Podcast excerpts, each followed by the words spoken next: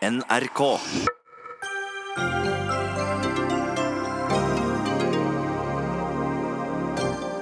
Hør hvem som krever at Stortinget får oss inn i EUs energiunion nå.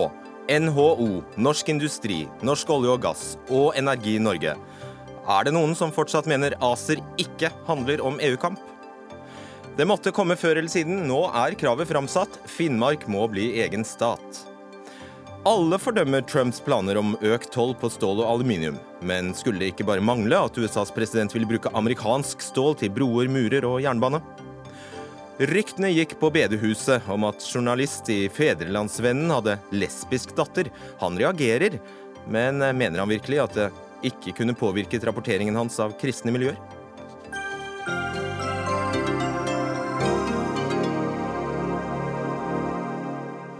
Google-skatt og krav til legespesialister står også på tapetet den neste timen av Dagsnytt 18. Mitt navn er Fredrik Solvang.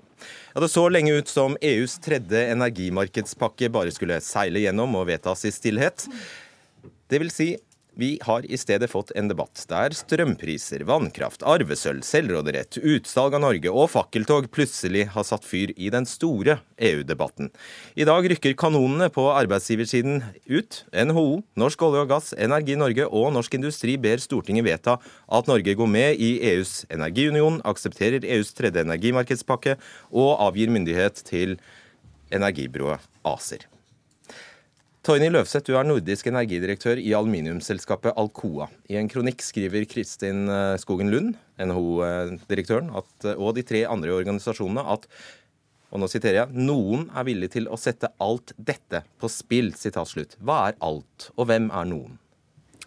Alt handler jo om at vi har et veldig godt Eh, forhold eh, til EU. Vi handler med EU. Eh, vi handler både varer og tjenester. Kraft, aluminium. Og vi er helt avhengig av å ha harmoniserte regler for at dette skal fungere. Og vi forholder oss til et harmonisert regelverk og en harmonisert regelverksutforming. Og vi vet ikke hva alternativet til det er. Hvem er noen?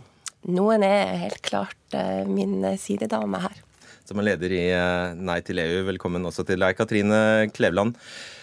Er du enig i at Norge allerede er tilknyttet EUs eh, e indre energimarked?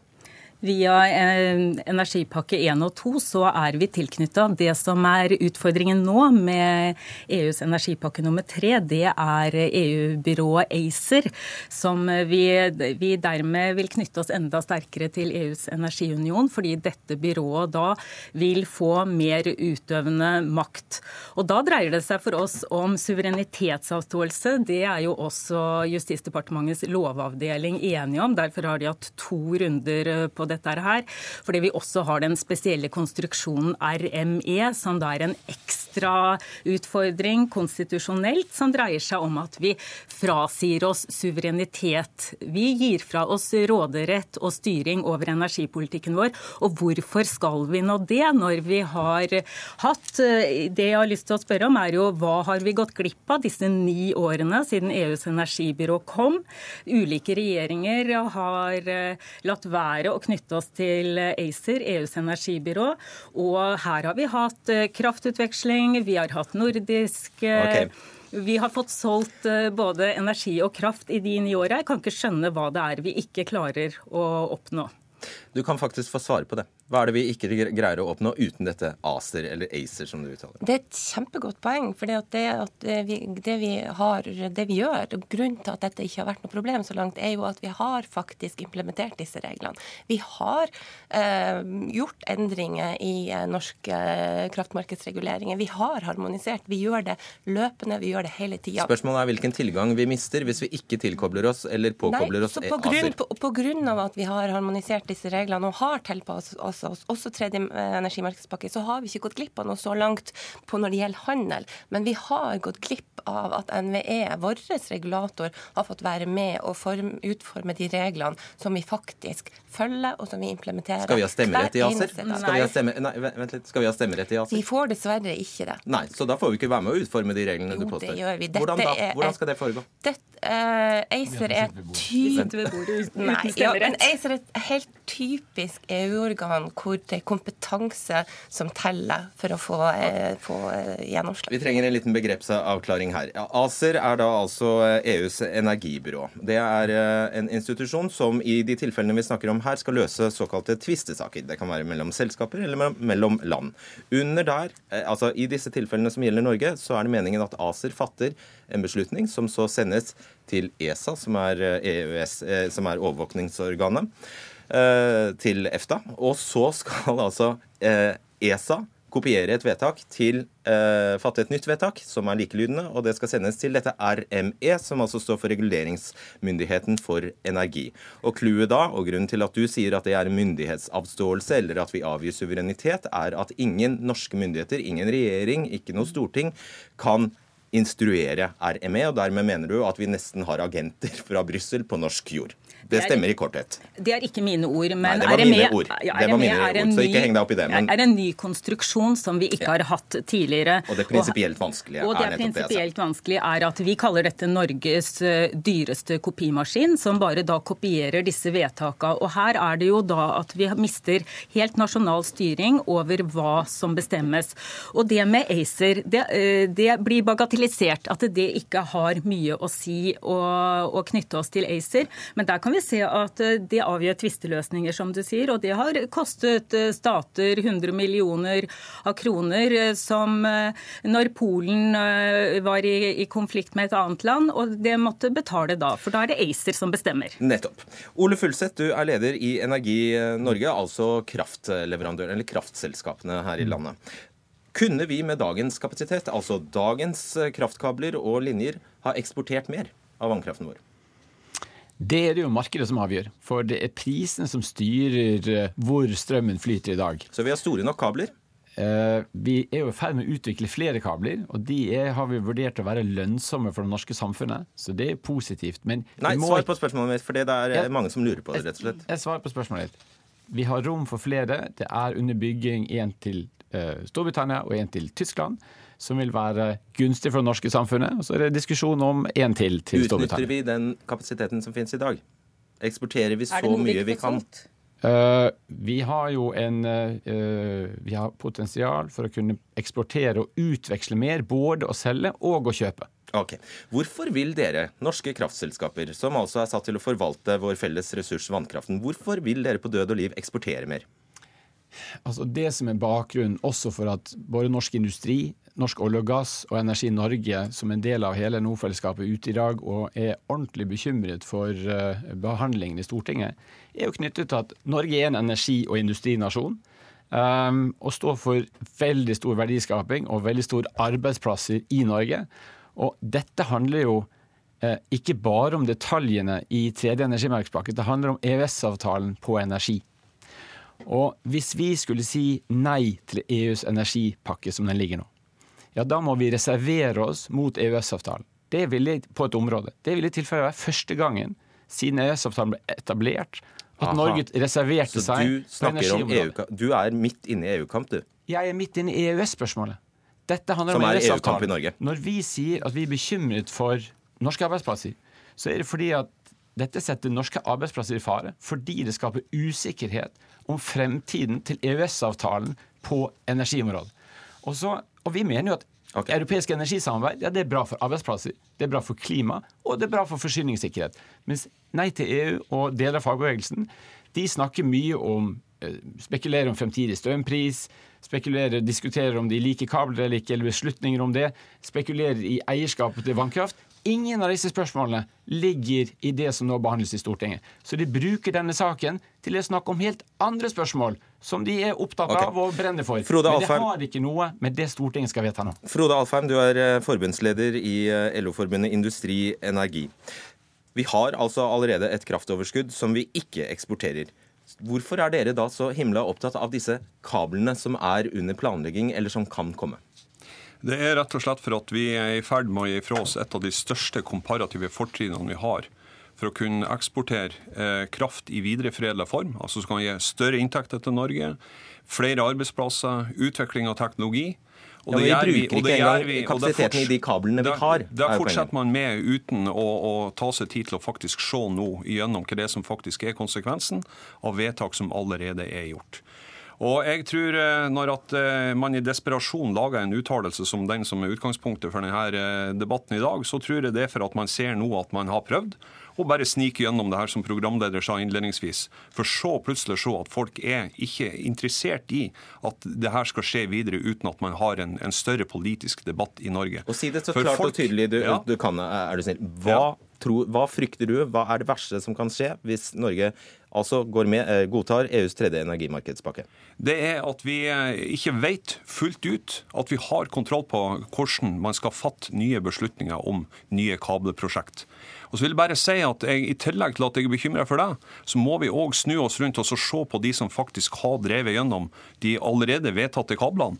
Og så må vi ta en pause i, i staten Norge og si at nå må vi se på konsekvensen av de kablene som vi har vedtatt, og ikke fortsette med å bare bygge sånn ukritisk kabler til land som har en mye mye høyere strømpris der vi har i Norge. Når de tar utgangspunkt, når de, når de tar utgangspunkt at de er bekymra for arbeidsplassene Altså, Jeg representerer bedrifter totalt sett som står for 80% av norsk eksportverdi. Og det er også sikkerheten det- til at de det- bedriftene faktisk skal være konkurransedyktige i forhold til strømpriser. Jeg, jeg er opptatt av. Du får svare veldig kort. Akkurat dette er jo et kjempepoeng. Alle arbeidsgiverne der hvor du har medlemmer, hva sier de? Jo, de sier at de støtter ACER, de støtter tredje energimarkedspakke. De sterkt oppfordrer Stortinget fordi at de mener det er i bedriftenes interesse, i industrien, i olje- og gassnæringen, i hele Og næringslivet. du avslørte deg jo i sted. Hvilke, hvem, var det som sa, hvem var det som unisont sa ja til EU den gangen i 94? Det var Hvem nettopp var det som skremte med 100 000 arbeidsplasser? Det var NHO som sa at hvis vi ikke gikk inn i EU, så ville vi miste 100 000 er- arbeidsplasser. I dag i denne kronikken så er det akkurat snakk og- om skremsler om uh, tusenvis av arbeidsplasser. Vi har hørt det før. Vi vet at uh, NHO vil inn i EU. Og én ting til. Uh, Skal vi være framtidas industrinasjon, så bør vi heller utvikle framtidas industriprodukter og eksportere det, istedenfor å gi fra oss eh, krafta Altså, vår. At, at nei til EU er mot EØS er jo ikke noe nytt. Det er mer overraskende at Industri Energi, som har arbeidsplasser i olje- og gassnæringen og industrien, og hvor norsk industri og norsk olje og gass sier at dette støtter vi, dette er vi for. Dette er bra for industrien at vi utvikler og at vi har et felles regelverk. At vi tar vare på at vi tar vare på EØS-avtalen. Til, til nei til EU så er jeg også litt spent på hvordan er når vi ser på energi- og klimasamarbeidet i EU, det er ikke mulig å skille klima fra energi i denne politikken.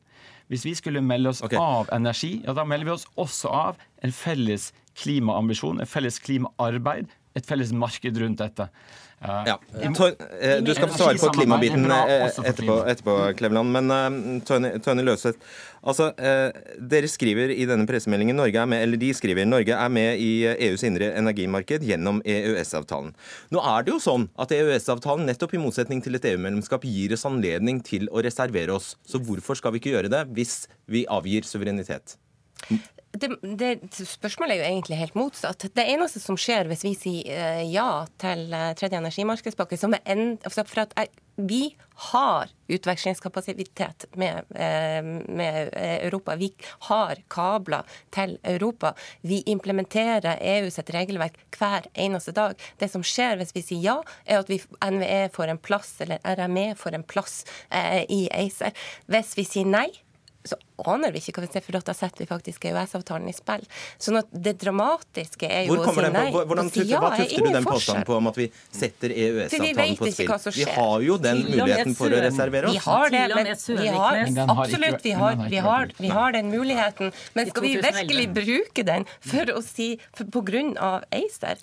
Av regelverk om, om, om frekvensytelser fra kondensatorbatterier? To ganger er, den, eh, to ganger eh, er, denne, eh, denne anledningen Eller vi har egentlig faktisk aldri brukt den. Vi har aldri reservert oss mot noe direktiv eller noe fra, eh, 2011 med postdirektiv, men det ble jo ikke Det ble jo ikke effektuert. Nei, Frode Alfheim, er, det, er dette virkelig Jo, men- men en så altså- viktig sak? Ja, det er en viktig sak. Og så er det sånn at Du sa det sjøl innledningsvis. Den var i ferd med å skli gjennom. Og for meg så vitner det om en meget dårlig fundamentert politisk prosess. Jeg vet om mange direktiv som har vært under utvikling som berører både Norge og EU, som har vært viktige for begge parter. Altså, vi er opptatt av at vi skal ha et godt forhold. Men når det har vært viktig for Norge som nasjon, så har jo partene i lag med myndighetene jobba for å få det her til å bli en god pakke. Både for EU og for oss som EØS-land. I dette tilfellet så har jeg aldri vært invitert til en eneste dialog om det der. Jeg bare registrerer at i desperasjon nå, når at den folkelige motstanden er så sterk, mm. så kommer man med akkurat samme trusselen som vi hadde i 94. Da må jeg spørre deg. Kom til å gå en plass, hvis man ikke fikk et, et vedtak. For jeg vet at forbundet ditt er ja til Bruk tida nå. Man må gå inn i en aktiv dialog med EU og så få en sikkerhet for at det her ikke truer eh, norsk suverenitet og norske arbeidsplasser. Du vet, altså, du, jeg, jeg, har skjønt det sånn at dere er ihuga EØS-tilhengere i ditt uh, forbund. Det betyr altså at dere er for fri flyt, et indre marked som gjelder alt fra varer til mennesker til transport osv. Eh, polakker, du er for at polakker skal komme hit og plukke jordbærene våre. Men du er altså imot dette her. Det høres jo Hvorfor? Jeg sier at eh, vi skal ha, være med og ha innflytelse, men det spørsmålet du stilte i stad om at er det sånn at vi ikke har innflytelse, vi, vi sitter ved ACER uten stemmerett. Det er klart vi har det.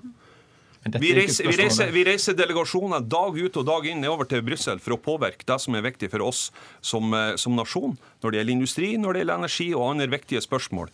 Og, og Det gir akkurat like stor innflytelse på utvikling og politikk i, i EU som det vil ha å være sett som observatør ved et bord. Og så vet du i tillegg ikke hva det er du faktisk gir ifra deg for å ha den observatørplassen. Så for det første, det vil dette er midt i EØS-avtalen, så det betyr, også nei til dette betyr at du må reservere deg. Og som du sa, det har vi ikke gjort før. Vi er usikre på hva det betyr. Og på energi, som er et så viktig område for Norge, ja, da er vi ordentlig bekymret for hva det betyr. Og til diskusjonen om prosess så må jo selvfølgelig regjeringen og de, de, siste regjeringene få lov å svare på det. Men det har altså tatt åtte år fra dette var vedtatt til å komme i Stortinget. Så okay. påstanden om at dette har vi ikke hørt om før. Det var jo Ola Borten Moe som sendte ut denne saken på høring når det gjaldt de energispørsmålene i 2013. Det har vært en veldig lang prosess knyttet til denne pakken. Ti sekunder, og så må vi ha vi, vi vet jo noe om eh, reservasjonsretten og at vi kan bruke den sånn som eh, de vil. Eh, men det som vi er sikkert, er at det, til og med statsråd Søviknes sier jo noe om at det er kun på et begrensa område vi da vil bli såkalt straffa hvis vi, hvis vi bruker veto mot reservasjonsretten. La oss nå bruke handlingsrommet, da, hvis vi ikke klarer å få sagt opp EØS-avtalen. Der må jeg sette strekk. Takk skal dere ha. Tony Løvseth, Katrine Klevland, Ole Fulseth og Frode Alfheim. Dagsnytt 18 alle hverdager kl 18.00 på NRK P2 og NRK2.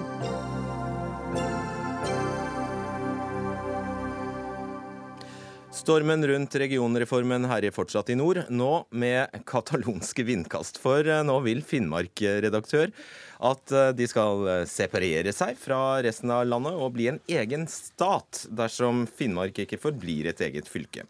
Etter planen skal jo da nemlig Troms og Finnmark slås sammen til ett fylke fra 2020. Men det vil du nå sette en stopper for. Geir Wulf, Wulf du er sjefredaktør i den samiske avisen Sagat. En egen stat. Hvordan skal det utføres? Ja, det er meget enkelt å få til. Det er å gjennomføre en eh, folkeavstemning, og så får folk avgjøre hvordan eh, eh, man vil ha det. Det er ikke verre enn, det som skjedde i 1905, da Sverige, løs, nei, da Sverige måtte avgi Norge som selvstendig stat. Ja, og Du er viss på hva utfallet av en slik folkeavstemning vil blitt? Det vet jo selvfølgelig ingen, men poenget, poenget er det at folket må bli hørt. Og Det vi egentlig ønsker, det er jo at Finnmark skal være selvstendig, men som et selvstendig fylke. Hvis eh, makta i sør eh, skal tvinge oss i et eh, tvangsekteskap med vår nabo Troms, så er det ikke aktuelt for oss. Da vil vi heller stå totalt på egne bein. Vi viser til at Finnmark er større enn Danmark. Vi er veldig rike på naturressurser, både til lands og ute i havet og under havet. Vi har en økonomisk eh, sone ute i Barentshavet som tilhører Finnmark og ikke Norge. Og vi vet at eh, om Finnmark, selv om med et areal på 48 000 kvadratkilometer, så vil vi bli større enn 99 av landene i verden. Og vi, selv om vi ikke er mer enn 76 000 sjeler her oppe, så vil vi likevel ha flere innbyggere enn 36 eksisterende stater i verden. Jeg skjønner. Så Norunn Benestad Tveitein Tveitein? Tveiten Benestad. Tveiten Benestad. Ja. Tveiten Benestad. Stortingsrepresentant eh, fra Høyre, i hvert fall. Det stemmer. Du er medlem i kommunal- og eh, forvaltningskomiteen, som det nå eh, heter. Hva, tenk, hva tenker du om dette her? Ja, Vi har jo merka oss eh, utspillet til eh, Wulf. Eh, Jeg syns jo kanskje at det er eh, litt søkt å trekke det ganske langt og begynne å snakke om egen stat. Så jeg tenker nok at eh, vi står oss på å forholde oss til Grunnloven som sier at Norge skal være et udelelig rike, og så tar vi det derifra.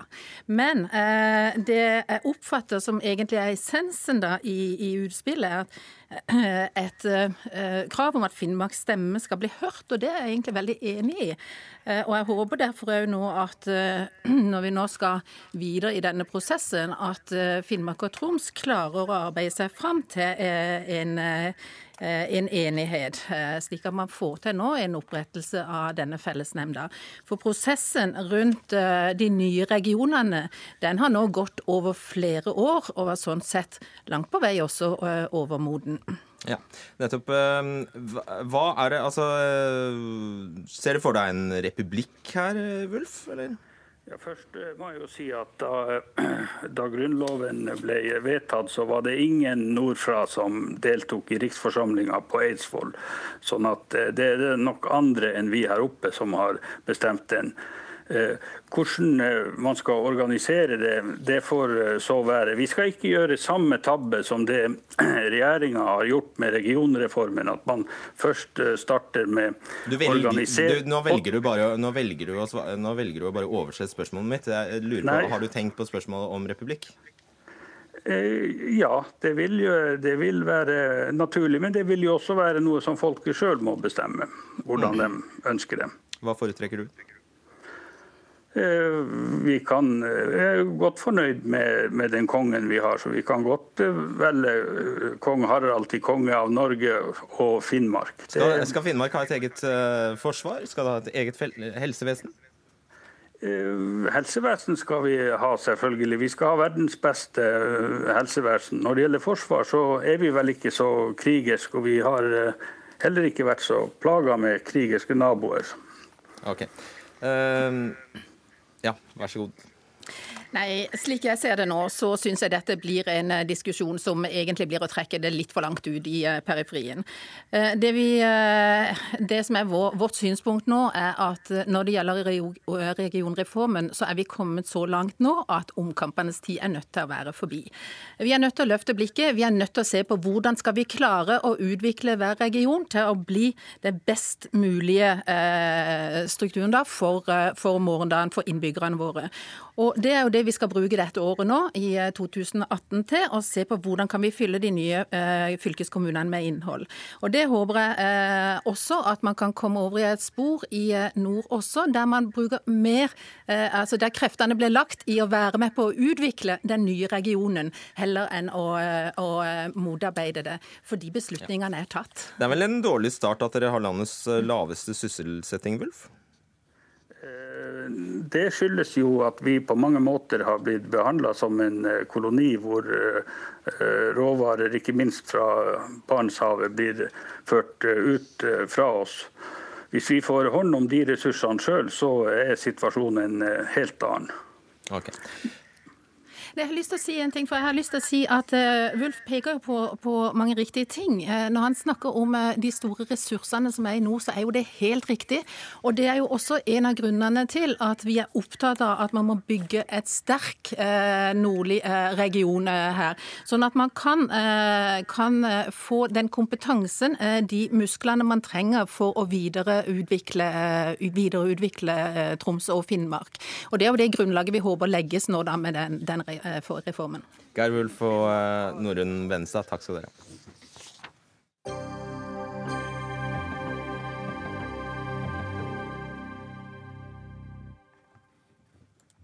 Den europeiske union ruster seg til handelskrig mot USA. Det er president Donald Trumps planer om å innføre ny importtoll på stål og aluminium som EU er sterkt kritisk til. Alle vil tape på dette, sier EUs handelskommissær etter møter i kommisjonen i Brussel i dag, og lista med mottiltak er klar. Stein Lier Hansen, du er administrerende direktør i Norsk Industri. Kan du forklare oss først hvor viktig er, er, hvor viktig er stål for amerikansk industri? Ja, Stål er viktig for amerikansk industri, men det er klart at Amerika er jo en storimportør av stål. Eh, sånn at jeg vil påstå at over tid så vil jo amerikansk økonomi være mer tjent med at det er reell, et reelt frihandel også rundt stål, for det vil jo gi dem tilgang til stål til en lavere pris enn å svare med, med tollsatser mot alle andre som eksporterer til USA. Og Hva er reglene for omsetning av stål i verden i dag? Nei, det er, jo, det er jo stort sett frihandel, og derfor er det en vare som eh, har handelsstrømmer fra produsentland til, eh, til eksportland og importland. Og det er jo en, en, frisk og god konkurranse.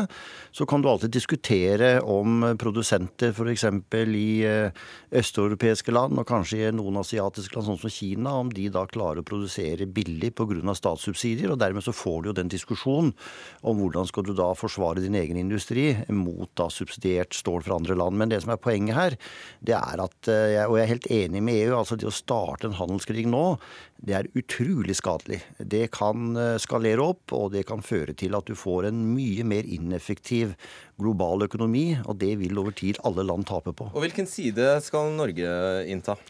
Nei, altså Nå er vi et lite land, og derfor så er nå vi sårbare fordi at vi har en liten, men veldig åpen økonomi. Det som er utfordringa for Norge, det er nå hvordan EU velger å reagere. Og det er mye tyder på at de reagerer gjennom nå å komme med en liste over produkter hvor de innfører da toll. Og Det er en sånn safeguard-sak. og Da kan de velge, som de gjorde i 2002, å definere Norge som et trepartsland. og Da vil vi altså rammes eventuelt av de toll, de toll, den toll som EU ligger på en liste av produkter. og Da kan det bli svært alvorlig for norsk industri, for EU er altså vårt største eksportmarked. Vi havner i en skvis. Asle Toje, du er utenrikspolitisk forsker og kommentator. Alle vil tape, advarte altså eh, handelskommissær Cecilia Malmstrøm etter møte i kommisjonen eh, i dag. Hva er det president eh, Donald Trump eh, er i ferd med å sette i gang, egentlig? Jeg tror det viktige er å få med seg og forsøke å forstå hvorfor Donald Trump ønsker å gjøre nettopp dette. Hvorfor han ønsker å innføre en krafttoll på 25% på stål og 10 på aluminium. Slik Trump ser det, så er USAs enorme handels- og underskudd på 500 milliarder dollar i året, nei, kroner i året noen ting som um, kommer av uh, dels, mener han, av systematisk og kalkulert proteksjonisme i det internasjonale markedet. Og stål er et av feltene hvor han mener at markedet er, fungerer dårlig, og hvor da spesielt Kina som um, har bygd opp en gigantisk stålindustri fra, på 2000-tallet. Fra 2014 2000 til 2014 så doblet verden stålproduksjonen seg. Og hvor amerikanerne mener at kineserne har dumpet eh, subsidiert stål på det globale markedet, som har fått stålprisene til å kollapse, som har fått da eh, USA til å ligge med rundt 28 eh, av kapasiteten til stålproduksjon ubrukt. Asle Tøye, Asle Tøye. Eh, jeg avbryter deg. Vi prøver å ringe deg opp fordi det er elendig lyd på deg. Jeg hører knapt hva du sier, så vi, prøver, vi, vi legger på, og så prøver vi å ringe deg opp eh, straks. Eh, Lier Hansen, 25% importtoll på stål, 10% på aluminium. Eh, sammenlignet med noen av våre tollmurer, så er jo dette ingenting.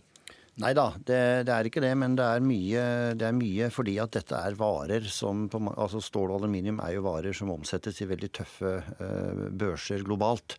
Sånn at det er ganske store tollsatser vi snakker om for den type varer. Uh, det som, og jeg, jeg, forstår jo hva som blir sagt der. Det er klart at, uh, og det er jo litt av det jeg sa òg, at Donald Trump vurderer det som om, som om USA utsettes for en voldsom konkurranse fra Kina, og hvor kinesisk stålprodusenter er subsidiert. Men det en glemmer, er at USA er en storforbruker av stål. Så det å kunne importere billig stål fra Kina, subsidiert av Kina, det vil jo tjene store deler av amerikansk mm. industri. For de er jo en storforbruker av stål, enten vi snakker om forsvarsindustri, biler eller hva vi snakker om. Sånn at det er altså proteksjonisme altså, Det vi ser nå er proteksjonisme, og det er det ingen som er tjent med. Det vil over tid svekke eh, verdenshandelen, det vil svekke effektiviteten i den globale økonomien. Og sånn sett så er det bare tapere. Så det er veldig viktig at dette ikke skalerer. I tillegg kommer altså stor symbolverdi. Philip Lote, europakorrespondent for eh, NRK, nettopp fordi det handler om stål. Og utgangspunktet for hele EF og EU var jo kull- og stålunionen. Eh, hvor viktig er denne industrien for Europa i dag? Ja, det er en eh, betydelig industri. USA importerer stål for 5 milliarder euro i året til og aluminium for rundt 1 milliard. Så dette er ikke helt små beløp. Og så er det det rent symbolske som er viktig her. F.eks. For, for den franske presidenten Emmanuel Macron så er det veldig vanskelig å, å sitte stille og akseptere at europeisk industri blir pålagt ekstra satser, straffetariffer, som de vil se det. Og han har jo gjentatte ganger, også rett etter at han ble valgt til fransk president, sagt at Europa vil ikke la seg bølle med av USA.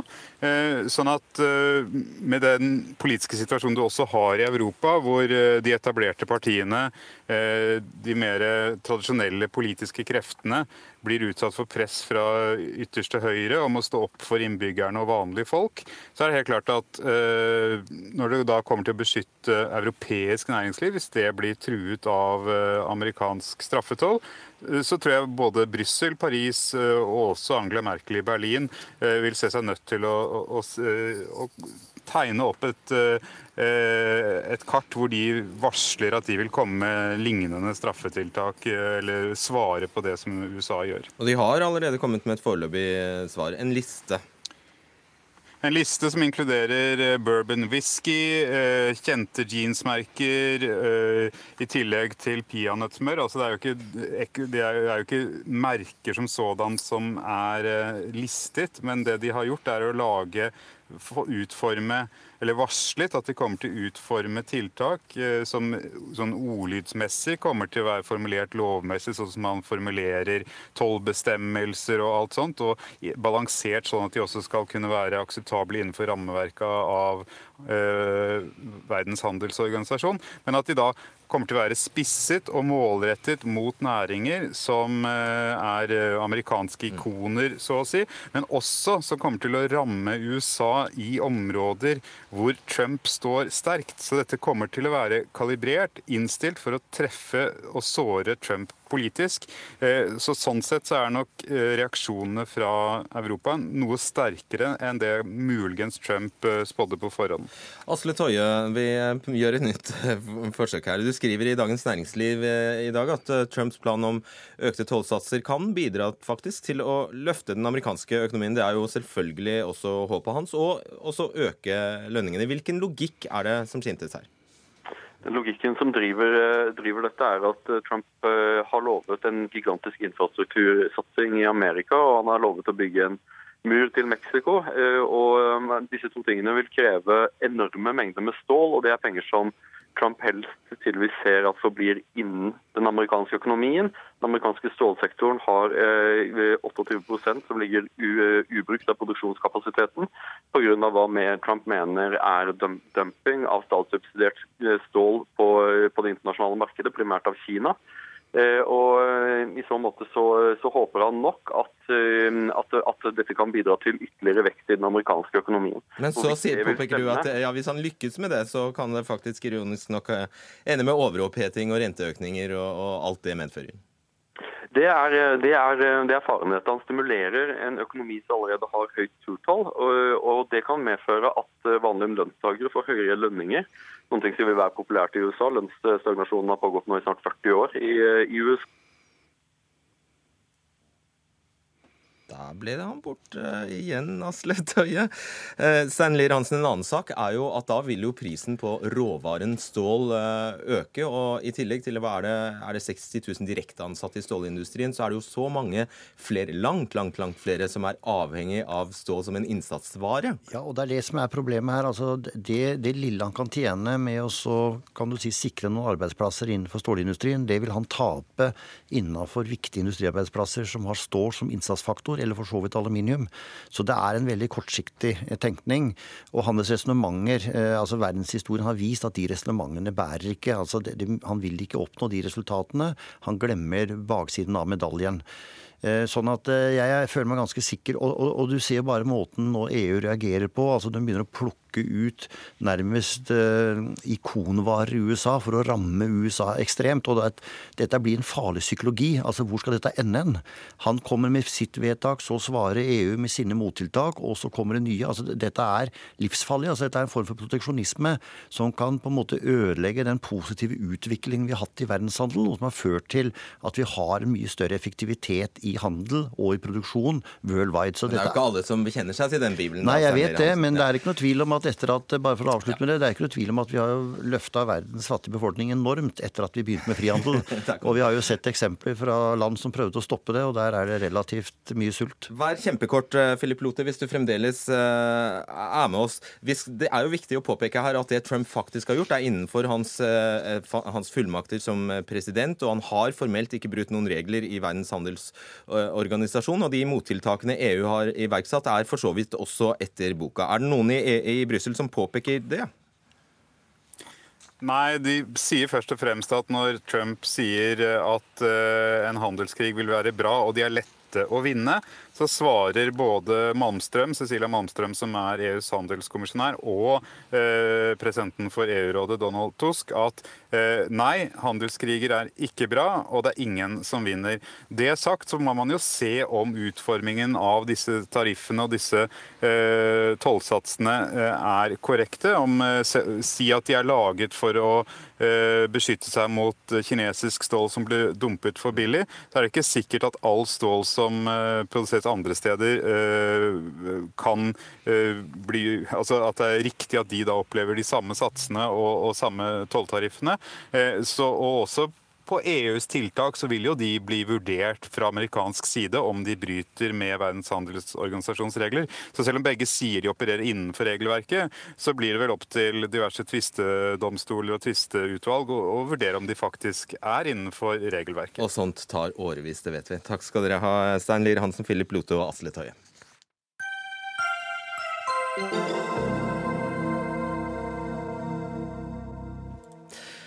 Denne uka har en journalist i avisen Fedrelandsvennen stilt spørsmålet hvordan er det egentlig kristenmakta på Sørlandet opererer?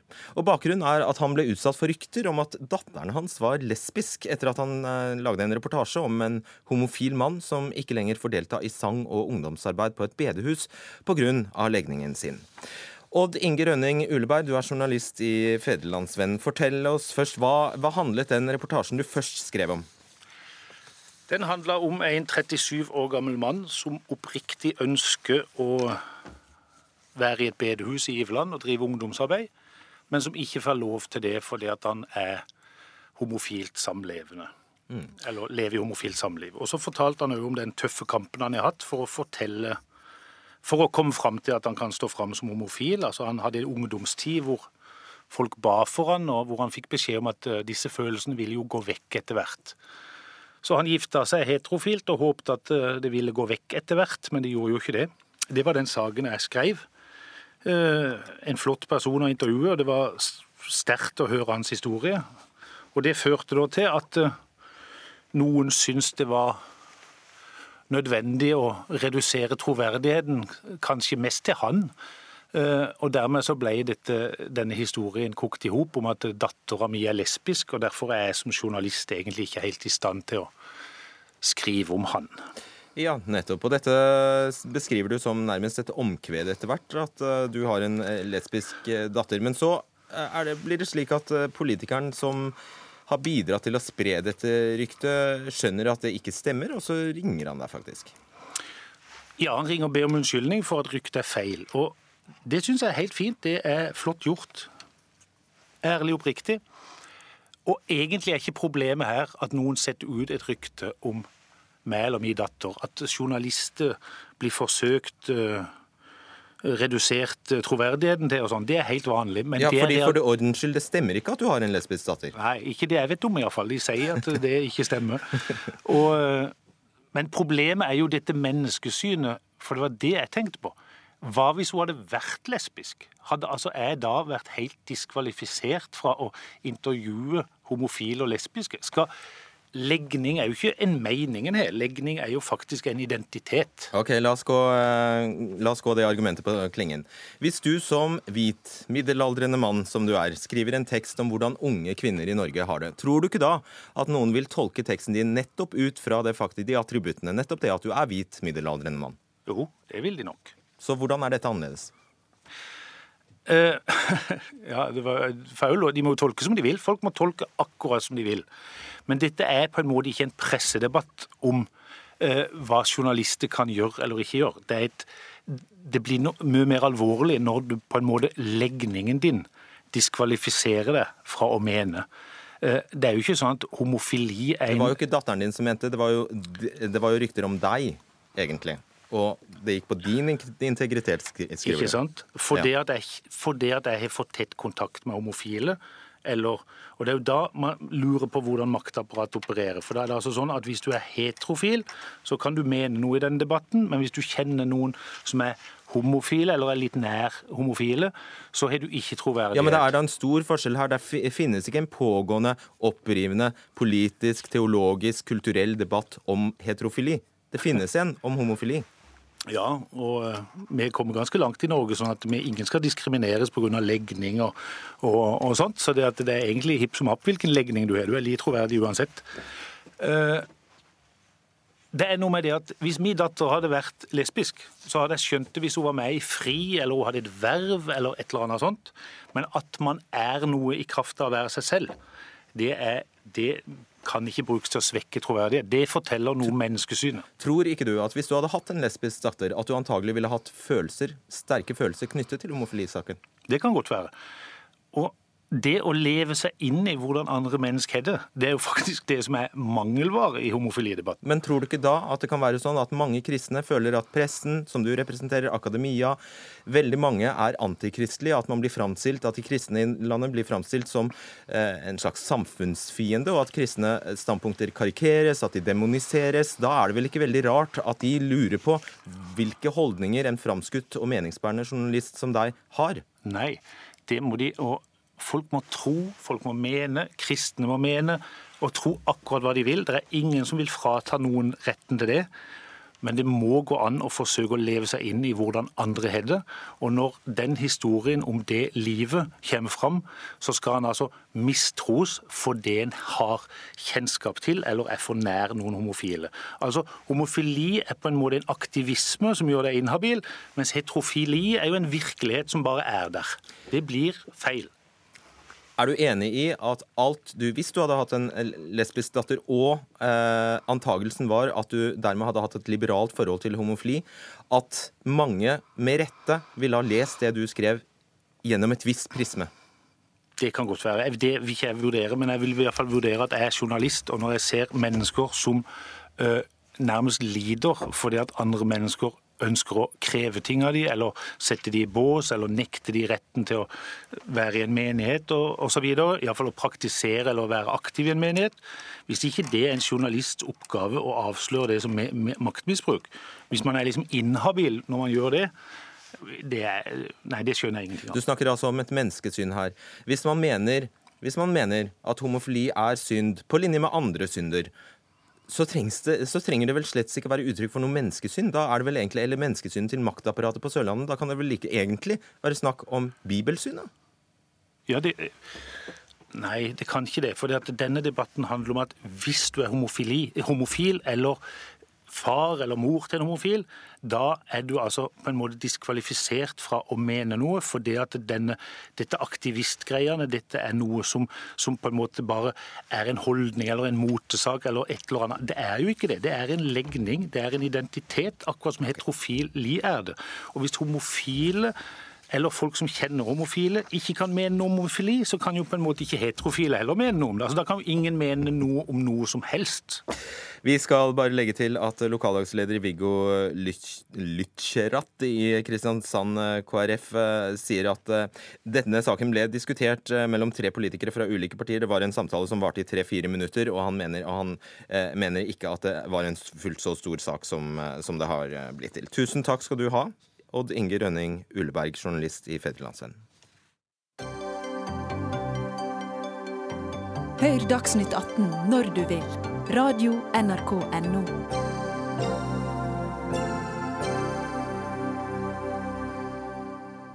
Bare Google burde ifølge anslaget ha betalt 2,5 milliarder kroner i skatt til det norske fellesskapet. Hvis de nå ja, men i virkeligheten betaler de 2,9 millioner. Nå har Miljøpartiet De Grønne foreslått å utrede en egen norsk særskatt for IT-gigantene som Facebook, Apple og Google. Og i dag skatter de store disse teknologiselskapene til lavskatteland som Irland, Luxembourg og Malta, mens vi i Norge altså går glipp av store skatteinntekter. Eh, hvordan, Bare først eh, til det praktiske her. Eh, per Espen Stoknes, stortingsrepresentant for MDG. Hvordan har du tenkt å avgrense definisjonen av et flernasjonalt IT-selskap? Hvordan skal det gå til? Det er ikke vanskelig. Da kan man bare se på EUs eh, e arbeid med dette, her, som heter en Efficient uh, Tax for Digital Economies. Um, og det det handler om, er at Google og Facebook og andre store selskaper, de, som du er inne på, betaler altså da 0,1% i skatt, mens da norske digitale selskaper som har driftssted i Norge, over 20% skatt. Så, så hvis det er så enkelt, hvorfor har ikke før? Eh, det er ikke enkelt, har vi aldri sagt. Du sa det var enkelt. Eh, det var enkelt å avgrense det digitale. Den digitale økonomien? Det kan du bare se på hva EU har gjort. Eh, det som er utfordringa, er å få det koordinert. Og for å få det koordinert, så må noen gå foran. Og Det skjer heldigvis nå i EU. Både Tyskland, Frankrike og England er i ferd med å ta grep her. Og vi mener at Norge bør være en del av dette her sporet som går raskt, istedenfor å være en del av sinkene. Så vi vil gjerne at Norge er en pådriver, og så koordinerer det vi kommer fram til med EU etter hvert. Skjønner. Roger Skjerva, sjeføkonom i IKT Norge. Alle vil at disse selskapene skal betale mer eh, skatt, men du kaller faktisk dette forslaget for økonomisk selvskading. Ja, Nå hadde du nettopp en debatt om faren for handelskrig mellom Europa og USA eh, for noen minutter siden. Og Sist gang Frankrike for noen år siden lufta ideen om vi ikke skulle skattelig ha en særskatt på internettselskapene, så reagerte president Obama kraftig og kalte det for proteksjonisme. President Trump kommer ikke til å reagere noe mindre kraftig. Han kommer ikke til å si proteksjonisme, for det er ikke et skjellsord for han. Men han kommer til å si at det er et angrep på amerikanske interesser. og Hvis man vil virkelig sette brann på forholdet mellom Europa og USA, og enda flere stridstemaer mellom oss og Trump, så, så kan man jo begynne å rasle med sånne forslag. Så din resept er å legge seg på rygg og bare godta det? Min resept er at vi er nødt til å ha med alle de landene som har disse selskapene, og lage et uh, bedre system. Ikke for én næring, men for alle næringer. Hvis vi bare skal diskutere digital næringen, så kommer USA aldri til å akseptere at deres skattegrunnlag blir svekka. For husk at uh, Google og de andre betaler selskapsskatt, men 80% av skatten betaler de sitt uh, via sitt hovedkontor i USA, og mindre altså i Europa. Det handler jo om avgrensning, som jeg sa, Stoknes. Det gjør det. Og eh, som sagt, dette problemet er løst av EU. Eh, ta England de har akkurat inngått en avtale med Apple. Eh, Frankrike har akkurat inngått en avtale med Amazon. Eh, franske ministeren Le Maire eh, røper akkurat at EU antagelig kommer opp med et eh, omsetningsavgift på 2-6 um, men hva, la, la meg bare spørre. Ja, det er greit, men jeg vil bare tilbake til det norske. Altså det, det Forslaget ditt er en særnorsk IT-skatt. Ja, poenget er at. Poenget er at Norge har et eh, eget ansvar for å forebygge ja. urettferdig ja, skattemodeller. Men hva tror du skjer da? Du, Hvor blir det av disse selskapene? Hvilken interesse skulle de ha av å, av å få bli i Norge, da? I motsetning av det Skjerva sier, så er, det, tror, så er det sånn at Norge er et veldig kompetent, veldig rikt marked. Og Google kommer helt sikkert til å fortsette å være her, fordi at det er mye penger å tjene. Om de tjener ørlite grann mindre, så er det faktisk helt i tråd med det Google sjøl sier. Google-sjefen, mens han var i Davos nå bare for en uke siden, han sa at de betaler med glede mer skatt i disse landene, bare det er klart hva slags regler vi skal forholde oss til. Mm. Og det å, å utrede dette skikkelig, for dette er en alvorlig mangel i dagens skattemodell. Scheel-utvalget tok ikke tak i det. Så nå må vi få på plass en økonomisk ansvarlig beskatning av dette, slik at vi trygger velferdsstaten framover. Ja, altså, Jeg er jo helt enig i at vi må øke innsatsen for å få, uh, gjøre, gjør det vanskeligere å drive skatteplanlegging over landegrensene og sjonglere med, med, ulike skatteregler mellom land. Men det krever jo nettopp internasjonalt samarbeid. Mm. Men det er mye vi har gjort i Norge. Jeg i tidligere liv så har jeg brukt mye tid på dette og var med å sette ned Scheel-utvalget. Og der har vi fått begrensa rentefradraget, slik at eh, vi nå får en større beskatning eh, i Norge. Morsomt du nevner men, det. I, i, i, de men, tidligere liv ville du ha vært for dette forslaget? Nei, nei, absolutt ikke. Og det er fordi at en av, for, en av tingene vi gjorde var at vi forskjellsbehandla ikke flernasjonale okay. selskaper i forhold til nasjonale selskaper. Og det har gjort at også store norske statseide selskaper nå må eh, slutt, legge ned internbanker i utlandet og betale mer eh, selskapsskatt til Norge. Så, så, så, så vi, IKT Norge reagerer fordi det er diskriminering av én næring. Og så tror jeg ikke det er mulig å skille mellom uh, norske selskaper og flernasjonale selskaper. Det må gjelde alle digitale selskaper. Og hvis det gjelder alle digitale selskaper, så er det mange som rammes. Forbrukerne rammes, og resten av næringslivet rammes, og norsk økonomi rammes. Egentlig er jo dette som klimasaken. Løsningen må nesten være global for at det skal fungere. Og så har vi venta i 25 år da, Solvang, på at det er noe som kommer i gang og får en global CO2-pris. Men det skjer jo ikke. så Det er som å vente på Godot. Og, altså, jeg er ikke særlig overraska over at skjerver her kommer ut og skyter vilt og hardt mot oss.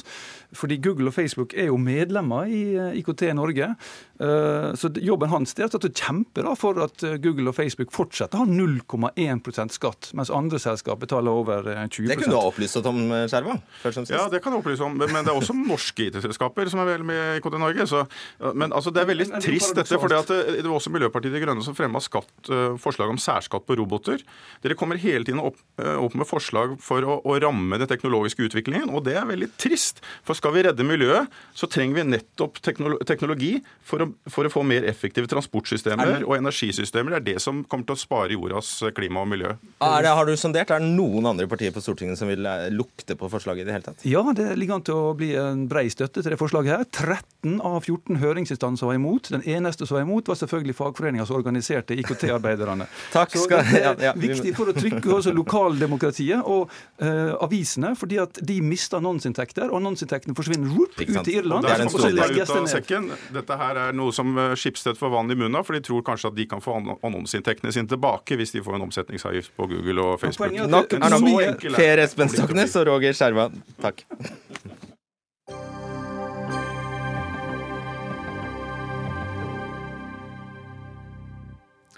Helsedirektoratet vil ikke lenger ha egne krav som eh, sier hvor mange operasjoner en lege skal ha gjennomført for å kalle seg nettopp spesialist, når nye krav til spesialistutdanningen skal innføres neste år. Uhørt, mener Legeforeningen, som frykter at spesialistutdanningen mister kvalitetsstempelet sitt. Ragnhild Øydna Støen, du eh, sitter i Legeforeningens spesialistkomité i ortopedi. I tillegg er du overlege, overlege i ortopedi. Kan du først forklare oss hvordan dette fungerer, hvordan disse kravene i dag eh, fungerer for en som vil bli spesialist?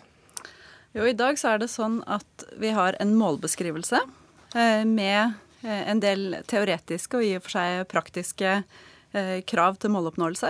Og så har vi en operasjonsliste med krav til antall operasjoner gjennomført, og hvilken type operasjoner som skal gjennomføres. Akkurat. Omtrent og, som en flyger som har så og så mange flytimer. Stemmer. Men han trenger jo også en teoretisk utdanning. Mm. I tillegg til den praktiske. Og Hva er det da Helsedirektoratet legger opp til nå? Nå legger Helsedirektoratet opp til at den praktiske biten eh, av vår utdanning, eh, volumkravet, antall operasjoner og type operasjoner, ikke lenger skal være eh, beskyttet eller likestilt med de andre målene, men være Eh, kan-bestemmelser og anbefalte læringsaktiviteter, men ikke lenger obligatorisk. Og det skal være opp til hvert enkelt, eh, hver enkelt helseregion? Det skal være opp til hver enkelt avdeling og avdelingsoverlege eh, å gjøre en skjønnsmessig vurdering av om legen er kompetent til å operere hofter. Eh, samtidig som man legger opp til veil, et veiledende antall, men ikke et absolutt antall, sånn som det er i dag. Akkurat. Karin Straume, fagdirektør i Helsedirektoratet. Hvorfor det? Eh, det er helt feil forstått at det ikke skal stilles krav til eh, at man har gjennomført eh, mengdetrening av viktige prosedyrer i den nye spesialistutdanningen. Både vi i Helsedirektoratet og helseforetakene som skal stå for den praktiske gjennomføringen av spesialistutdanningen, er helt enig med spesialitetskomiteene i at vi må trene mye på eh, praktiske prosedyrer for å komme opp til den kompetansen som vi forventer av spesialister. Ja, Men et fast antall som må oppfylles for å få spesialistgodkjenningen? Det ligger i anbefalingene våre at det skal være et fast antall. Nå har vi fått Ja, Da skjønner jeg ingenting. Nei, men da kanskje jeg kan forklare, Ja, jeg kan forklare- litt eh, om den nye spesialistutdanningen. Vi har fått en helt ny eh, og moderne spesialistutdanning som er bygget på moderne pedagogiske prinsipper, hvor det legges større vekt på hva en spesialist faktisk skal kunne når han, er ferdig, han eller hun er ferdig spesialist, enn akkurat hvor mange ganger de har gjort bestemte prosedyrer, eller akkurat hvilke kurs de har gått på. Okay. Så det beskrives som læringsmål isteden. Og eh, så kan vi da si forskjellige måter å oppnå dette på, og det å gjøre en prosedyre mange ganger er en av de aller viktigste måtene vi beskriver å oppnå disse læringsmålene på. Da våger jeg meg på tolkningen at det går fra å være absolutte krav til eh, anbefalinger. Ja, men når Helsedirektoratet anbefaler noe, så er det mer enn et godt råd. Eh, ja, ok. Det er greit. Ja, er, eh, er du med på den tolkningen? Eh, Det er et godt råd. Det er samtidig ikke eh, en skal-bestemmelse. For da vi som spesialitetskomité fikk i oppdrag fra Helsedirektoratet å utforme forslag til nye læringsmål, så fikk vi beskjed om at vi skulle utforme skal-bestemmelser. Det skulle være læringsmål, det skulle være forskriftsfestet. Eh, Og så ville de gjerne også ha noen tips til kan-bestemmelser. F.eks. læringsaktiviteter. Ok, jeg tror vi spoler litt eh, bare Og det er i eh, denne ja. kan-biten hvor Helsedirektoratet nå har valgt å legge krav til eh, gjennomførte prosedyrer. Hvorfor er dere så imot uansett, vi, vi, vi kan bare forutsette, eh, vi forutsetter at dere er uenige her. Hva, hva er dere imot? Eh, Det vi er veldig bekymret for Jeg sitter jo i spesialitetskomiteen i ortopedi. I løpet av en fireårsperiode så reiser vi rundt til alle norske ortopediske avdelinger. Eh, Og det vi møter der, eh, er at legene og avdelingen forteller om vanskeligheter med å slippe til på operasjonsstua. Eh, Og det er rett og slett fordi hensyn til økonomi og drift krever at den legen som egentlig skulle fått opplæring, eh, må ta seg av noe han, han eller hun allerede kan, eh, for å få økonomien eller driften til å gå den dagen. Så dere dagen. frykter rett og slett at det blir dårligere spesialister av det? Så vi ser at i praksis, når utdanning blir satt opp mot drift og økonomi, så må utdanning vike. Og de nye reglene som kommer nå, de gjør at avdelingsoverlegen kan gjøre en skjønnsmessig vurdering av om eh, man har oppnådd praktisk erfaring. Men det eh, må jo være forsvarlig fortsatt? som da må veies opp mot driftshensyn Ja, og andre ting. og der har du det. Altså I en presset hverdag de ikke, det, er ikke engang kapasitet på, på operasjonsstuene til at de skal få øvd seg. Eh, Det som er vanskelig utenfra å forstå, er når dette fungerte, hvorfor endre det? Vi har nå jobbet sammen i to år om å få til en fin og ny moderne spesialistutdanning i Norge som skal gjøre det enklere å følge med i den medisinske utviklingen. Og da er dette med læringsmål en av de tingene som, eh, Ja, som Men ligger i fungerte det ikke tidligere? Eh, det, det er litt ymse hvor godt det fungerte. eh, Og alle har vært enige om at vi trenger å gjøre en forbedring av spesialistutdanningen. Og vi har eh, full tillit til at eh, helseforetakene vil oppfylle kravene til dem i denne nye utdanningen. Eh, Det er den samme forskriften som da ikke eh, som omhandler læringsmål og ikke antall operasjoner, den stiller ganske strenge krav til hva helseforetakene må oppfylle for å få lov til å utdanne spesialister. Okay. Og vi i Helsedirektoratet eh, kommer til å følge nøye med på at eh, de faktisk får gjort disse aktivitetene. Vi har fått et fint nytt digitalt system som skal hjelpe oss til å følge med på at alle får gjort det de skal for å oppnå den kompetansen okay. de trenger. Støn. Nei, du, Jeg er ikke helt sikker på hva du mener med at alle har vært enige om at vi trenger en forbedring. Fordi eh, for oss så har vi hatt en kontinuerlig eh, revisjon av våre læringsmål eh, og våre prosedyrelister. Eh, krav til antall operasjoner. Og fra det ortopediske miljøet så har det vært entydige og klare anbefalinger eh, om at krav til antall operasjoner og type operasjoner skal forskriftsfestes og trenger et forskriftsfestet vern. Det må du svare på på 20 sekunder. Ja, eh, Da vil jeg svare tror jeg ganske kort at jeg er veldig sikker på at vi får gode spesialister i Norge i framtida med den nye spesialistutdanningen som vi nå setter i gang. Ok, Takk for ordskiftet, iallfall. Ragnhild Øydna Støen og Karin Straume. Jeg skal bare minne om at i morgen starter rettssaken om ubåtsaken i Danmark, og nå klokka 19 sender NRK P2 første program i en serie om den bestialske saken.